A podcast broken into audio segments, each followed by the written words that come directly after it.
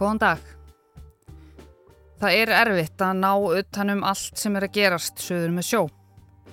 Í morgun var hluta grindvikinga hliftin í bæin til þess að sækja eigur sínar. Öðrum hluta var hliftin í gær.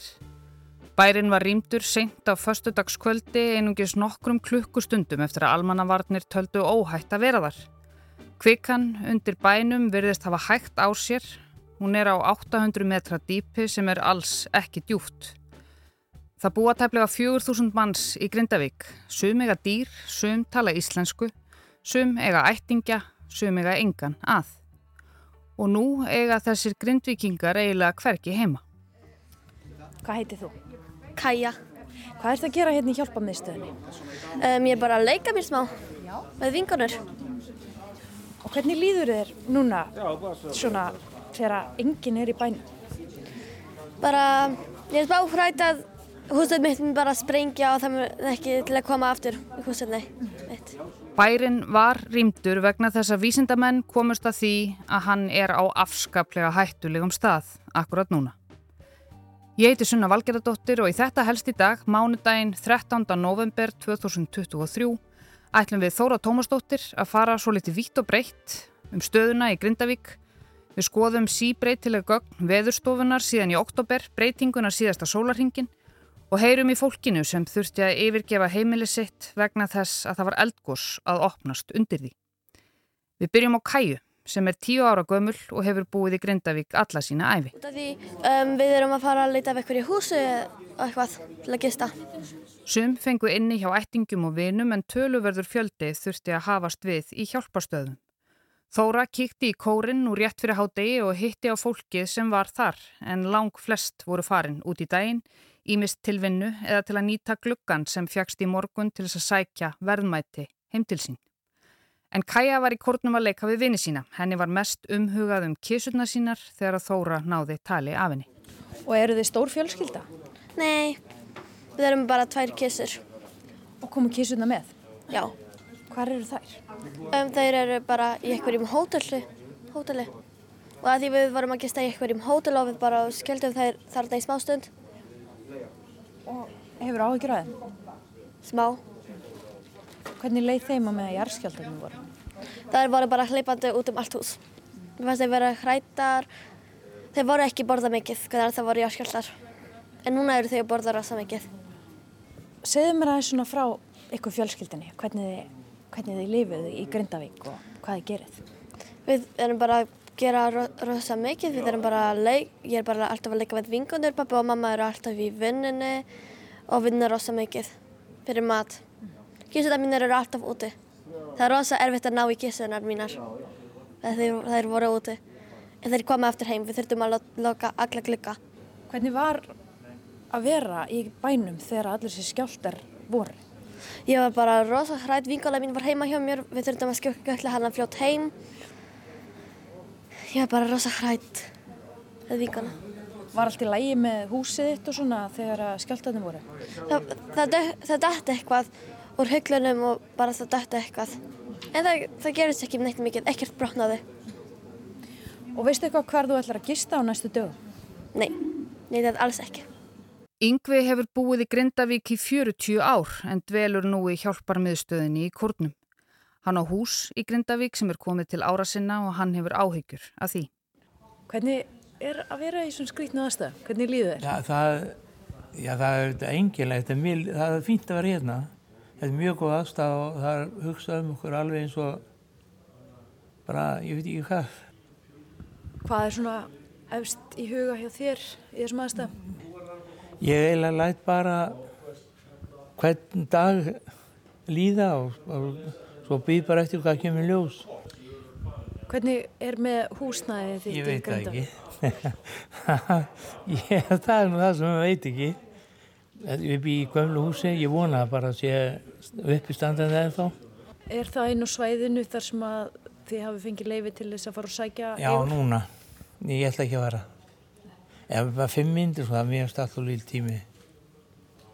Þannig að allt þitt er þar? Já, já, já, já. Ég er bílust líka, það tekið smá tíma út af bíl. Náður þú miklu með þér þegar þú ættir að fara úr bænum? Nei, ég bara fór til leiðbeiningum frá þarna almannavörnum og mm, tók ekki rosalega mikið með mér.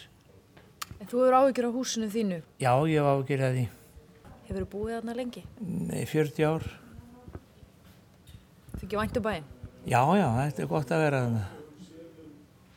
Ég vildi óska að ég kæmist heim og gæti verið kannski klukkutíma, einn og hálfan tíma til að ná í reyturnar og þannig svona ímyndast fleira sem að þetta kannski ná í. Kaja og Yngvi eru bara tvö af þeim 3800 grindvikingum sem eiga nú eiginlega hverki heima. Mikill er máttur hjarðarinnar og mikill er máttur almannavarna sem er leiðis sem betur fer auðvita. Allt þetta, rýmingin og neyðarstíð sem almannavarnir setja á er auðvita byggt á gögnum. Með breyttu samfélagi og nýjum áskorunum hefur hlutverk almannavarna breyst þó megin hlutverki séu auðvita enn það sama að verja líf og hilsu almennings á Íslandi.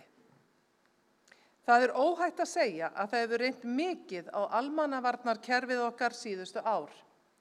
Af þeirri ástæðu höfum við Íslandíkar orðið mikla reynslu af því að takast á við ímiskona náttúru vá. Þetta er Guðrún Hafsteinsdóttir, ráðherra almannavarna á ráðstefnu miðjan oktober. Almannavarnir eru skilgrendar í þartilgerðum lögum og hlutverk þeirra er meðal annars að greina og meta hugsanlegar afleiðingar náttúruvár, vara við yfirvofandi hættu, gera viðbráðs og rýmingar áallanir, bregðast við í neyð og stjórna aðgerðum þegar neyðar ástand skapast. Það eru þetta misjamt eftir eðli várinnar hverjar áherslutnar eru. Heims faraldur lúmskrar veiru krefst til dæmis annara aðgerða af hálfu almannavarna heldur en yfirvofandi eldgós undir þjættbíli. Stundum eru við öll almannavarnir, stundum ekki. Í dag erum við ekki öll almannavarnir, við getum ekkert gert annað en að fylgjast með, veita hjálparhönd ef þess þarf og verða lókunarpósta. Eh, það er sagt komu hérna skilabór frá almannavörnum um að fólk mætti sagt fara í verðmandabjörgun á ákveðnum gödum þannig að það sem margir hér eru sagt hérna uh, tala ekki íslensku og þá sérst gengum við hérna milli, uh, milli einstaklinga og fjölskyldna til að hérna upplýsa þau um uh, hvaða heimili. Þetta er Hildur Vatnes Kristjánsdóttir hjá Rauðakrossunum, Þóra hittana í Kornum, nú bara í hádeginu, þar sem hún hafi verið að aðstöða þau sem þar dvelja. Bara sem betur fer og, og þá var bara mjög stór hópur sem á heima á þessu svæði sem á fara í dag, þannig að það er bara lagt á stað. Mm. Og þau fara á eigin vegum ekki rétt uh, út í Grindavík hérna úr Kópavói? Jú, margir hverjir eru á bíl og við treyðum með með það og ef að sérst, þeir sem er ekki á bíl að hérna við myndum sérst, sjá til þess að fólk geti þá hópa sér saman og, og farið saman til að tryggja það að enginn verði eftir. Og ég leti vita að það væri hérna heit súpa og brauð þau myndum hætta tilbaka. Var fólki létt þegar það fekk þessi skilabóð eða hvernig var því við? Því var mjög létt og hérna en líka held ég svo litil óvisa, svo litil óöryggi að því að þetta er náttúrulega svæði sem er hættusvæði og svo eru náttúrulega bara líka hérna einstaklingar og fjölskyldur sem að uh, mega ekki fara og hérna okkur finnst það meitt mikilvægt að, að sína þeim stuðning og, og hérna og emitt erum svolítið að vona það að, að fleiri göttur fari að bætast við en skiljum það mjög ef, að, ef svo er ekki. Almannavarnir sem veðurstofan er vissulega hluti af gefa út svo kallat hættumat vegna hinna á þessa atbyrða misreglulega eftir aðtökum og þessu hættumati byggja almannavarnir á kvarðanir sínar. Þetta heyrðist svo litið í fréttum í gær. Staðan í Grindavík er óbreytt. Von er á nýju stöðumati frá veðurstofun í fyrramálið og hættumati í framaldinu. Staðan í Grindavík er óbreytt. Skjáltavirkni hefur verið stöðu í dag og litar sem engar breytingar orðið. Vísindamenn á veðurstofunni vinna að nýju hættumati. Þetta verið gær og nú, rétt fyrir háti, kom uppfarsla frá vísindamennunum. Svona var staðan klukkan 11.40 í morgun. En mælist hæg minkandi aflugun við Grindavík. Gliðnun er mest við miðju gangsins við sundnúk þar sem megin uppstreymis svæði kviku er talið vera. Það er mat veðurstofunar að virknin í og við Grindavík sé nánast óbreytt frá því í gær. Fylst er gömgefilega með öllum mælakerfum í rauntíma sér í lagi við Grindavík sem gætu bent til breytinga á stöðunni. En við slumum skoða aðeins hvernig það var fyrir þremur vikum. 25. oktober var áhættumatið svona. Öflug jarðskjáltarhina hóst í nótt skamt norðan við Grindavík. Nýjustu aflugunargögn frá nokkrum mælustöðum nærri Grindavík sína ekki markverðar breytingar tengdar þessari skjáltarhinu.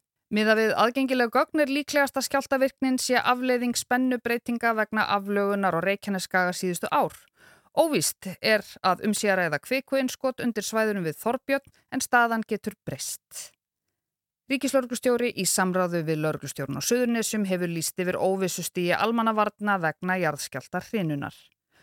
En daginn eftir, 27. oktober, byrtist önnur fæslað um að skjáltarnir væru vegna þenslu undir Faradalsfjalli og búast megi við áframhaldandi skjáltavirkni næstu daga. Aflugunarmælingar við Svartsengi og Grindavík síndu þarna engar breytingar í tengslum við jarðskjáltarhinuna. En síðan þarna 27. og 25. oktober hafa byrst uppfærðar færslur á hverjum degi. Skjáltarnir heldu áfram þeir eruðu kröftugri og land byrjaði að rýsa við svartsengi nærri bláa lóninu. Það benti til kviku einskots. En þetta var samt í fymta sinn síðan 2020 sem landreis mældist þarna nema núna var það aðeins hraðara. Að svo stöttu er ekki merki um að kvika færist nær yfir borði, sögðu þau þarna í lok oktober.